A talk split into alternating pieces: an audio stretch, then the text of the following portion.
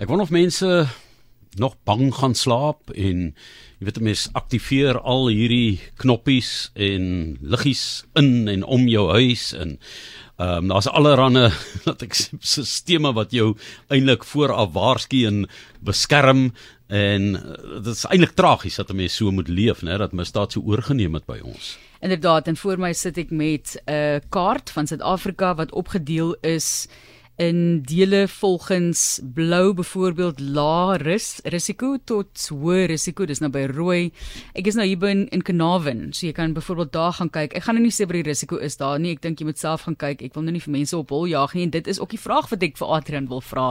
Hoekom wil mense gaan kyk en is dit belangrik? Natuurlik is daar sekere besluite wat jy neem met jou eie sekuriteit by jou huis as jy weet waar jy lê en daar is ook 'n nasionale rangorde wat jy kan gaan kyk. Byvoorbeeld middelpos is 39 ste uit 1158. So in daai area blykbaar redelik veilig. Baie welkom aan Adrian Bason, hoofredakteur van Media24 wat met ons daaroor gesels. Adrian, hoe lank werk julle al aan die projek?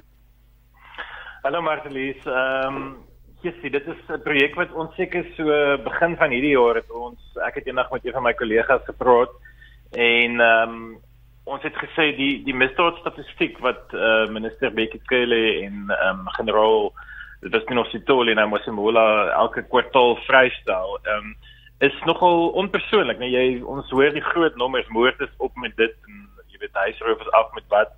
Maar ons weet nie wat dit beteken vir ons straat nie, vir waar jy bly, vir jou dorp of vir jou stad.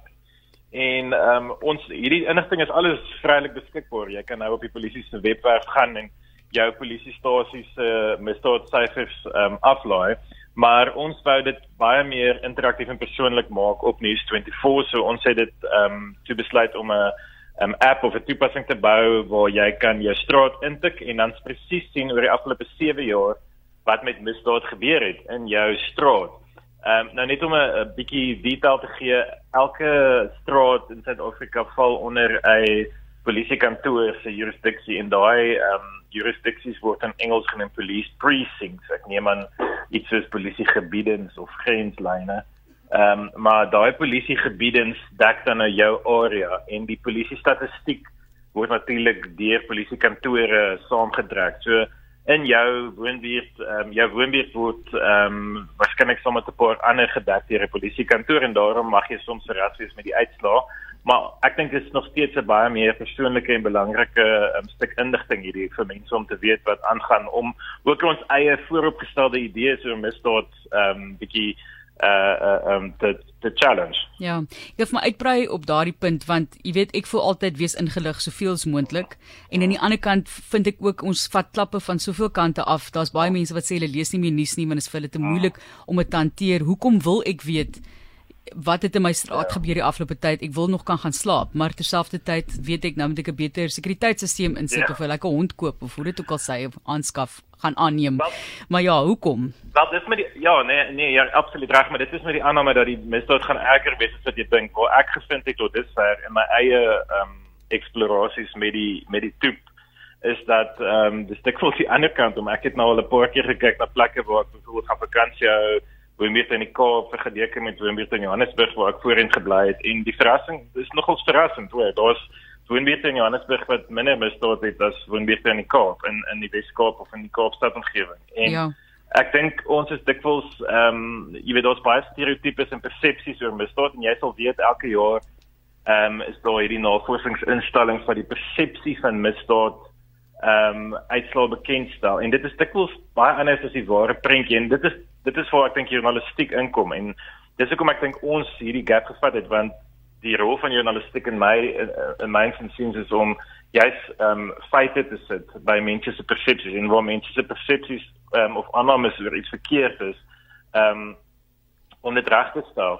Dit is ook interessant ehm um, Martelies as jy kyk na die tipes misdaad wat ehm um, in woonbuurte plaasvind. Jy weet jy's ook ehm um, bang, jy weet jy jy word in jou huis geroof of jou motor word gesteel, maar as jy gaan kyk na as jy jou adres insit, dan wys ons presies vir jou watter tipe misdade en die rou nommers van misdade wat gebeur het en dalk is dit dan eerder besigheidsrooftogte ehm um, byvoorbeeld wat wat plaasvind waar jy bly. So Ek dink dit is 'n magtige mens. Ek dink dit is belangrik vir ons almal om inligting te hê waarop ons besluite gebaseer is en dat dit op feite gebaseer is en nie op vrees Dit is interessant wat jy sê met Johannesburg. Ek sit nou en kyk na die kaart ook vir op ons grens, daar by Botswana se rigting, ja. is dit eintlik 'n baie lae risiko sone. So mense kan maar gerus gaan kyk daar net vir interessantheidsondalwe en dan ook jou eie besluite neem in die lewe, maar jy sê nou jy het nou natuurlik jy baie van hierdie inligting geabsorbeer. Jy is aan die een kant die persoon wat dit op 'n uitvoerende gesag bestuur maar terselfdertyd ook 'n pa van 'n gesin. So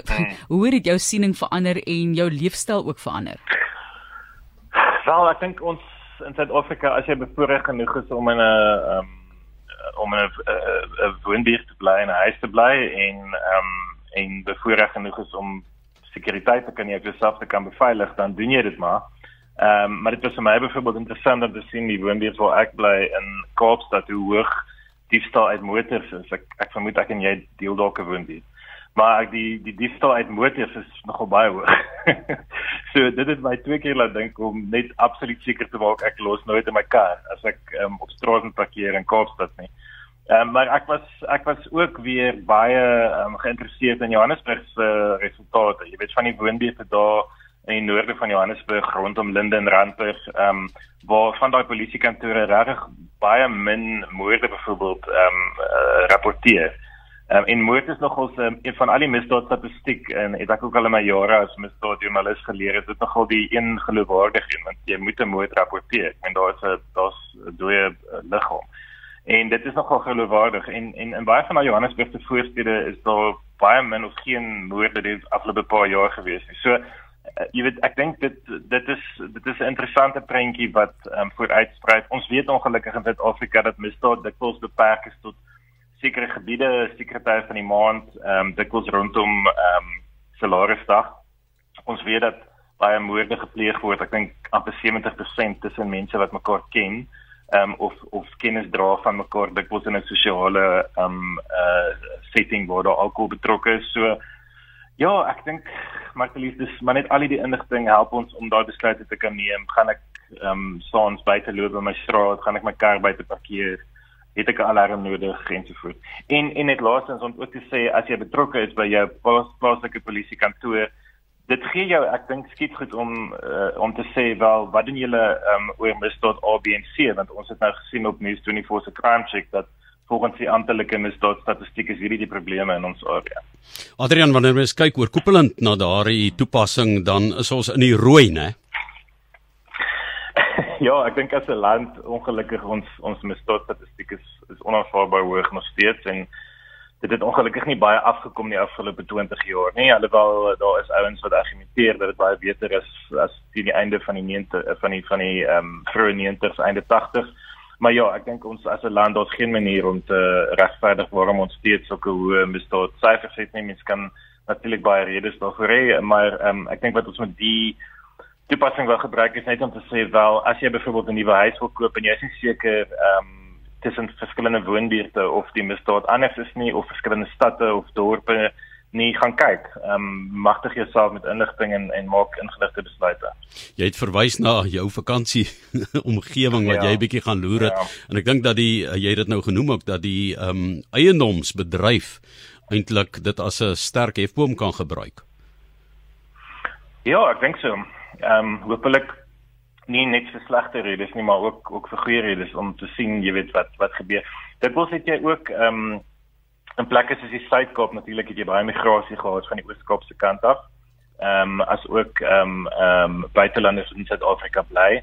En ehm um, die manier hoe ons hierdie uh, toepassing saamgestel het was om die sensusdata, die jongste sensusdata wat stads is so um, opgedateer het elke jaar te vat en dan te, te deel deur 1000 per 1000 mense. So een misdaad per 1000 inwoners gee vir 'n persentasiepunt uh, wat ons dan gebruik het op die hefboom of uh, uh, jy weet wyse om te wys hoe veilig of nie jou woonbuurt is. En gaan loer 'n bietjie, gaan kyk na die plekke waar jy werk, gaan kyk die plekke waar jy groot geword het, waar jou ouers bly, jou familie of vriende, waar jy vakansie hou en en kyk waar is die probleme en neem besluite daarvolgens. Uh, gaan dit kumulatief werk gaan as daar nou iets 10 jaar gelede gebeur het of soos wat ons nou by KZN gesien het onlangs want dit moet 'n weet eintlik 'n massa diep donker rooi wees ehm um, gaan dit dan as dit nou so 'n uh, insident uh jy weet plaasgevind het, gaan jy weer in groen kan verander? Wel, dit hang af ehm um, natuurlik ehm um, as daar groot ehm um, uh, uh, uh, toename is in 'n spesifieke misdaad, dan gaan 'n donkerder rooi rok in daai spesifieke misdaad en ek dink dit is vir my die lekker ding is van die toepassing is dit gee jou die geleentheid om tussen onder onder misdade te onderskei. So jy kan kyk byvoorbeeld net as jy net wil kyk na moord of net wil kyk na motorvoertuig diefstal, kan jy sien hoe dit in jou woonbuurt die afgelope 7 jaar verander het. So daai ehm um, lyn oor tyd, daai tydlyn sal dan wys wel dit het opgegaan op 'n stadium en nou kom dit weer af. Ehm um, Johan sê jy die misdaadstatistiek word nou elke kwartaal vrygestel. So ons plan is om hierdie toepassing elke kwartaal op te dateer met daai nuwe misdaadsyfers. Dis dis uitstekende nuus, maar as jy nou kyk na die motordiefstal dan kan jy maar 'n trekkertjie gaan koop vir jou as jy sien dit gaan nie goed daar in jou buurt nie. Dis reg.